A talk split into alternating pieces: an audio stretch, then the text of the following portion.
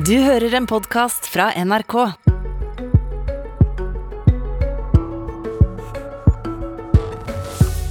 Det blir vanskeligere å tenke seg noen politiske initiativ sammen. Det blir vanskeligere å tenke seg eh, store økonomiske samarbeidsløsninger med Putin eh, ved makten. Navn? Erna Solberg, Alder? 61. Stilling?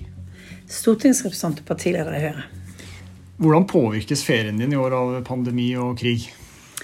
Jeg får jo eh, en mindre påvirket ferie av politikk og det som skjer i verden, enn det jeg har hatt på mange, mange år. Eh, jeg trenger ikke å være så på vakt og, så eh, Men det påvirkes jo selvfølgelig av hvor du velger å reise på ferie. Du påvirkes av, eh, av eh, at du følger med i nyhetsbildet, særlig fordi at situasjonen i Ukraina er så vanskelig. Så har vi natta til 24.2, hvor eh, Russland da valgte å invadere Ukraina. Eh, Hvor var du hen da dette skjedde? Jeg var i New York. Vi satt faktisk og hadde middag i, i, eh, hos generalkonsulen vår i New York fordi utenrikskomiteen var på besøk. Og vi hadde akkurat blitt brifet om eh, det møtet som skulle være i, i Sikkerhetsrådet den kvelden. Og så gikk de som, skulle, som hadde brifet oss fordi at de skulle gå i Sikkerhetsrådet. Og mens vi da sitter og fortsetter å snakke om resten av programmet som utenrikskomiteen skulle ha, eh, som bl.a. var sånn børsen, skulle vi møte ting vi skulle gjøre og sånn, så eh, får vi jo begynne å få meldingene inn om at, det en, eh, at, eh, at man har gått over grensen, at man har startet en invasjon. Så dette husker du godt, da, naturligvis. Jeg husker det godt, jeg har bursdag 24. februar, så jeg, eh, jeg fikk det Jeg satt jo egentlig også og snakket om hvordan vi skulle sørge for å organisere litt feiring dagen etterpå, men det ble det ingenting av. Altså, Norges forhold til Russland har vært gjennom både kriser og, og skandaler, oppturer og nedturer, eh, siden den kalde krigen tok slutt for, for 30 år siden. Eh, men med Russlands brutale angrepskrig mot eh, Ukraina da, så, så har jo forholdet nådd et slags historisk bunnpunkt. Eh, men det var jo en tid hvor det var nærmest utenkelig at vi skulle ende her, som du er inne på. Eh, For etter et tiår med, med kaos under Boris Jeltsin i, i Russland på 90-tallet, så tok jo Vladimir Putin over som president i, i år 2000.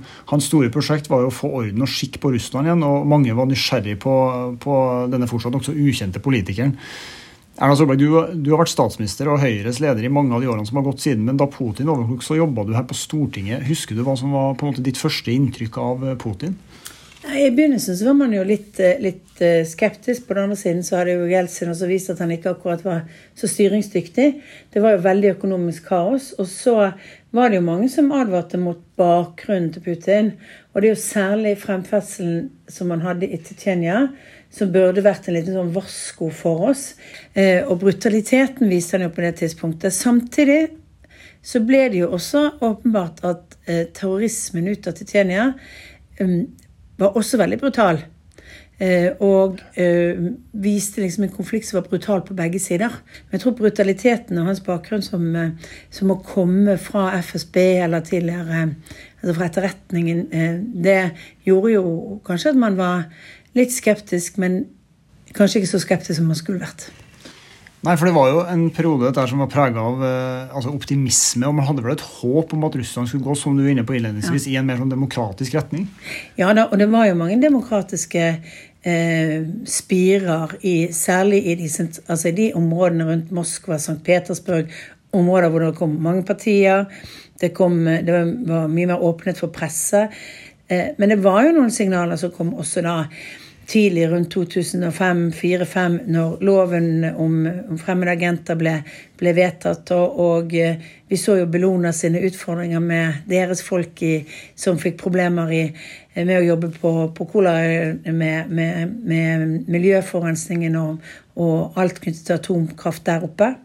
Eh, Så vi så noen tegn på liksom at man flyttet fra det som var demokratisk eh, og litt mer åpent samfunn til et mer eh, ja, lukket eh, og iallfall mindre rom for å drive med, med menneskerettigheter eh, og, og sivilsamfunn. Og så ble jo denne kulminasjonen på den optimismen ble vel egentlig denne delelinjeavtalen som Norge inngikk da, etter en svært lang forhandlingsprosess. Eh, så ble man enig om hvordan man skulle samarbeide om, om store områder i Barentshavet. og det, det ble kanskje et slags høydepunkt da, i et, samarbeidet mellom landene etter, etter den kalde krigen. Hvilke tanker gjorde du da, da om hvordan dette samarbeidet kunne utvikle seg framover? Ja, det var en kulminasjon på Norges forhold, men vi hadde allerede da sett noen av de utfordringene som lå foran oss. Vi så uh, talen som Putin hadde på München-konferansen i 2007, hvor han snakket om at uh, russisk politikk eller russiske interesser var ikke bare innenfor landet Russlands grenser, men det var for der russere bodde uansett. Litt sånn hvor det var mye diskusjon rundt det. Det var mange som, som liksom tolket at dette var mer retorikk for hjemmepublikum. Men så så du at han Altså konflikten med, med, med Georgia.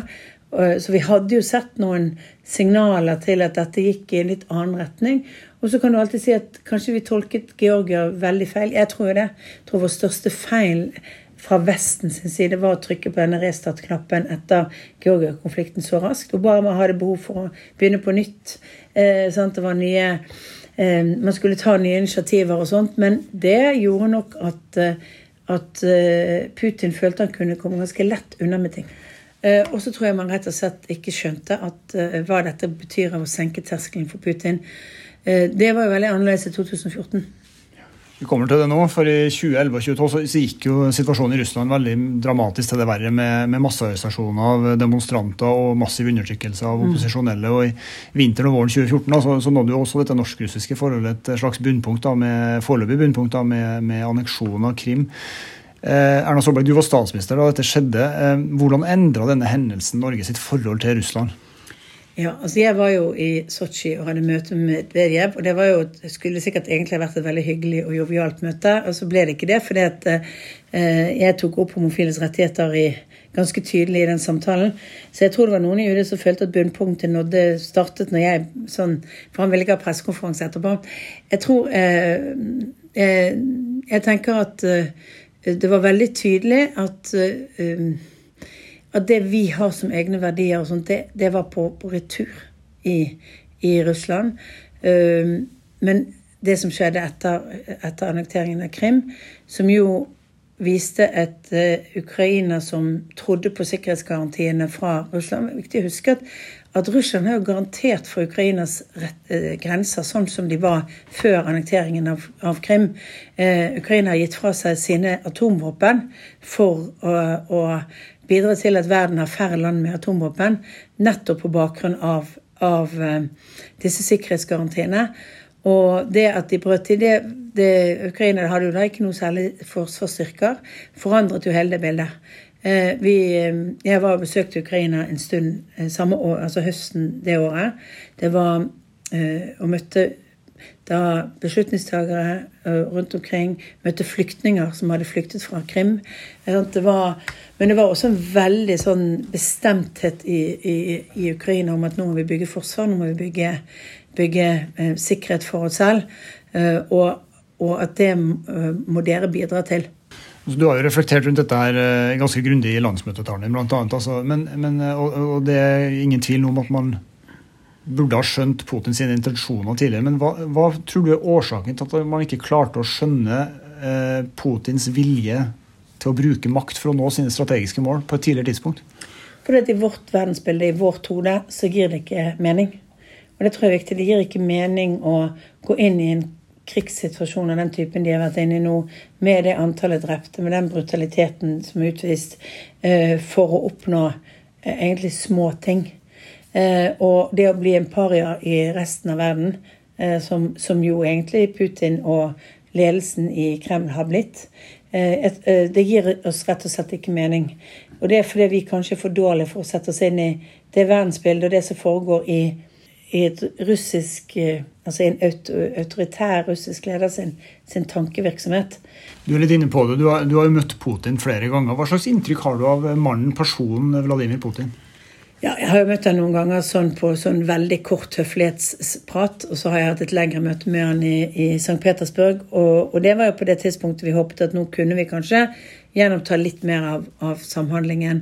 Eh, jeg opplevde samtidig at han var eh, litt kal at det var kalkulert. Altså Jeg tenkte at jeg var på prøve. Var på liksom vurdering. Det, ikke, det, var, eh, var ikke mannen å sette seg ned og, og liksom smalltalke med, eller et eller annet sånt. Det følte liksom at det var Han forsøkte å, å utfordre litt på, på, det. Og det er kanskje ikke så rart i en situasjon hvor vi hadde sterke sanksjoner eh, gjensidig mot eh, hverandre og hele Vesten. Det var eh, midt oppi Berg-saken, som jo egentlig var for domstol akkurat da, så tror jeg at jeg møtte en person som var mer, mer kalkulert og reservert enn en del andre politikere du møter. Kanskje også en, en altså, Sånn blir kanskje autoritære ledere òg. Hva, hva, er det vi ikke har forstått med Putin, da? Jeg tror ikke, jeg tror vi, har, jeg tror ikke vi har tatt alt han har sagt, på alvor. Jeg tror rett og slett at, at innimellom så har vi noen ganger tolket talene hans som at det har vært ment for et hjemlig publikum, ment for en sånn, men at de faktisk har vært mer representativt for tanke, tankesynet hans. Helt tilbake til denne talen i München sikkerhetskonferanse, hvor han altså definerer sikkerhet på en helt annen måte enn sine egne landegrenser. Overordnet stort spørsmål du er inne på det nå, men hva har denne krigen i Ukraina gjort med Norges forhold til Russland? Eh, den har jo ødelagt mange sider av Norges forhold til Russland. Det var jo en gryende optimisme med næringsvirksomhet, med utveksling, med tilstedeværelse. Så jeg har lyst til å si at det er ikke krigen i Ukraina først og fremst, det er jo også vilkårligheten i russisk politikk. Mye av problemene startet jo før 2014 også, ved at det ble mer vanskelig for norske næringsdrivende å drive der. Det ble mer vanskelig for organisasjoner og sivilsamfunn å samarbeide. Eh, fordi du får dette stempelet som, som, at du er agent. altså Det blir en risiko for folk å samarbeide med, med, med internasjonale organisasjoner. Eh, vi hadde på et tidspunkt eh, Nordisk råd sine kontorer som ble, ble rett og slett reidet av politiet i St. Petersburg. Vi kunne hatt et annet samarbeid. Vi kunne hatt et samarbeid hvor utdanningssamarbeidet, forskningssamarbeidet, teknologisamarbeidet hadde gått bedre. Hvor vi hadde i fellesskap kunne jobbet med atomsikkerhet og, og olje- og gassikkerhet. Sant? Det er jo et land med store ressurser, men som også har mye sløsing og dårlig sikkerhet rundt tingene de gjør. Altså det har jo vært Den norske strategien har jo vært å ha to tanker i hodet samtidig. Eh, og Man skal engasjere seg med Russland samtidig som man skal være fast i, fast i klypa, så å si. Hva skjer med denne nokså velprøvde doktrina framover nå? Jeg tror at vi fortsatt altså vi har noen felles utfordringer og områder vi må håndtere. Og Derfor mener jeg at fiskerisamarbeid, eh, varsling i nord, ulykker, alt det som vi har gjort altså Jeg fikk en telefon fra Medvejev etter ulykken som russerne hadde i, på Svalbard. Sant? Altså, de setter pris på, Selv om det var ganske kjølig på det tidspunktet, sant? så setter de pris på det arbeidet eh, som vi gjør, og at vi stiller opp. Og på samme måte så skal, så skal vi sette pris på når de bidrar inn, inn, i samhandlingen. Det tror jeg at vi skal leve sammen på en måte eh, Eh, med de felles utfordringene som vi har i nordområdene, og forsøke å holde eh, spenningen lavest mulig og samarbeide på sivile oppgaver. Men det, er at det blir vanskeligere å tenke seg noen politiske initiativ sammen. Det blir vanskeligere å tenke seg eh, store økonomiske samarbeidsløsninger med Putin ved makten. Og så er det jo sånn at dette er det det snakkes om. Det er snakk om dagens regime med Putin i ledelse. Russerne skal vi kunne ha et godt forhold til. Men systemet sånn som det er i dag, det er vanskelig å få til. Så, så det du egentlig sier, at uh, en, et nærmere norsk politisk forhold til Russland en betinger egentlig en regimeendring i Russland?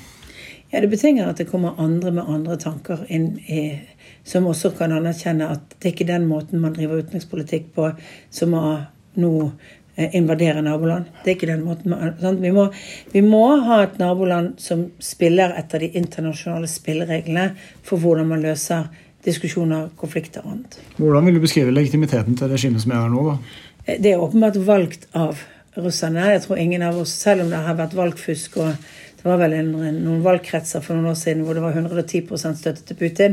Liksom, da, da, er det liksom litt åpenbart. Men, men, men, eh, men, jeg tror ingen av oss skal si at ikke han er valgt av det russiske folk. Eh, men det er klart, opposisjon er nesten umulig å drive.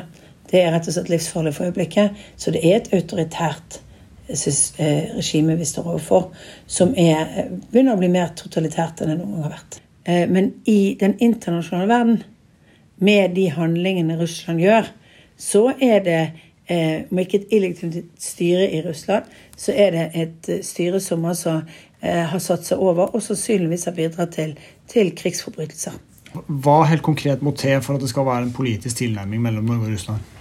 Eh, jeg oppfatter at det er vanskelig å tenke seg at et, eh, et land ledet av Putin eller hans nærmeste kan, at det kan komme en tilnærming, hvis ikke det foregår en eller annen form for internasjonal forsoning som klarer å løse dette, og hvor man eh, faktisk ser at det man har gjort, er feil.